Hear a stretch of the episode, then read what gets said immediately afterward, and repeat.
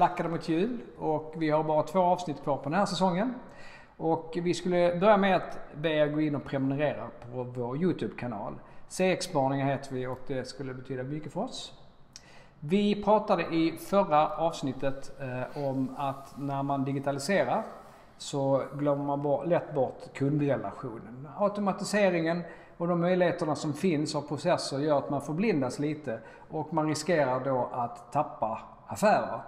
Och vi ska fortsätta prata lite grann om det nu och det är ju så att när man ska börja med automatisering och digitalisering, var kanske gör man det bäst först så att säga? Just det. Ja, om jag lämnar över till dig där. Ja. Mm. Nej, men jag, jag, jag, jag tror så här att en sak som är oerhört viktig är ju att förstå egentligen hur säljer vi våra produkter och tjänster mm. via de digitala kanalerna på det mest effektiva sättet. Mm.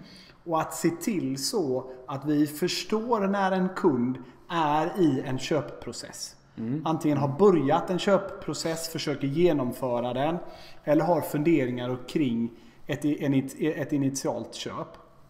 Vi gav mm. några exempel på det här förra, förra gången där, där jag skriver att jag vill, jag vill byta bank eller jag mm. vill, jag vill byta försäkringsbolag och man utgår ifrån att jag vill lämna försäkringsbolaget mm. som, jag, ja, som jag besöker. Ja, ja. Eh, så att här ska vi egentligen se till så att det som handlar om försäljningen av våra tjänster och våra produkter.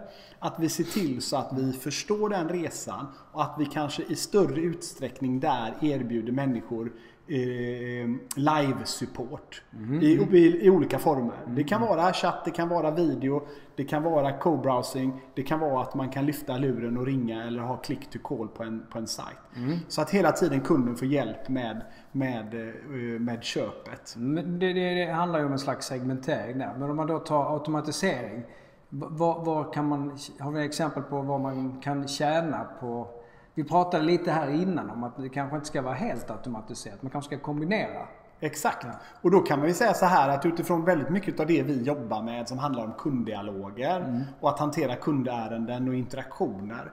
Så finns det oftast initialt en, en del i en konversation som är repetitiv och ser likadan ut. Den handlar om att identifiera kunden. Det handlar om att förstå vad kunden vill för någonting. Mm. Och det handlar om att till exempel plocka upp då information om den här kunden eller om det här ärendet i bakomliggande mm. system. Mm.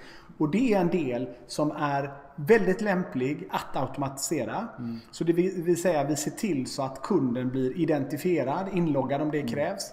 Vi tar reda på vad det är kunden vill och vi plockar upp lämplig information i bakomliggande system och sen serverar vi den interaktionen till våra medarbetare i en innesälj, Man förbereder mötet. Så du pratar om till exempel att om vi skulle vara i en kanal som chatt så skulle man kunna en bot ställa frågor till dig. Är du inloggad? Och se om du är inloggad. Om du inte är inloggad så, så kan den guida dig och ta hand om det här. Exakt. Man har ofta ett batteri med startfrågor ju. Ja. Och det, det, det, där finns ju många sekunder att spara in. Ett ypperligt, ett ypperligt eh, tillfälle att, mm. Eh, att automatisera. Därför då blir det ju så att i princip alla dina interaktioner mm. har en liten del som är automation. Mm. Och den, precis som du säger, sparar massa tid sett över, över året då, mm. i en organisation. Så det är den mm. ena delen. Och den andra grejen då, så väldigt enkelt det är ju att automatisera, vi kallar det på insidan då. Mm. Så att om du är innesäljare eller en kundservice-medarbetare så har du ju massa olika applikationer som du jobbar i. Mm. Och du har också ärenden du får hantera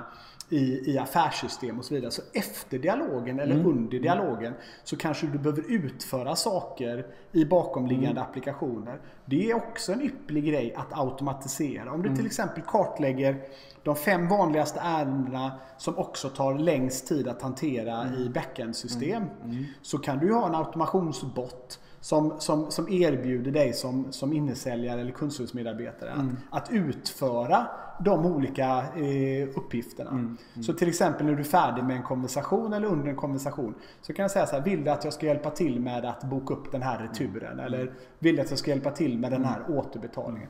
Och så klickar du som medarbetare bara ja och så mm. gör botten det, det, utför det arbetet. Så då har du en automation eh, på, på, på insidan eh, under dialogen eller efter dialogen som också mm. sparar massa tid mm. och frilägger då möjligheten för, för innesäljaren att att vara mer proaktiv med kunder som vill köpa. Vi har ju tidigare varit inne och pratat om eh, lite i det här ämnet och då hette det i början på året hybridchatta. Ett annat ord som har kommit och växt fram under året är cobots istället. Så att det är det ni ska hålla utkik efter. Cobots heter det. Ja, ja. Och, men jobbar man med automation på insidan så är det ju saker som du kan använda inte bara när du har en chattinteraktion.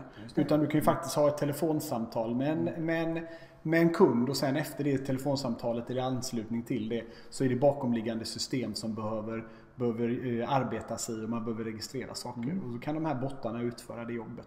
Och då riskerar vi inte försäljningen och vi riskerar inte vårt kundmöte. Mm. Eh, utan däremot så effektiviserar vi delar av kundmötet. Mm. Mm.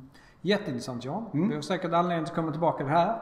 Men ni får ha en fortsatt trevlig vecka och så ses vi nästa vecka då vi kommer att köra en sammanfattning över den här säsongens eh, bästa takeaways. Just det. Så att ni är redo inför det kommande spännande 2019 året som ligger framför oss här. Mm. Okej? Okay. Ha en bra helg. Hej. Hej.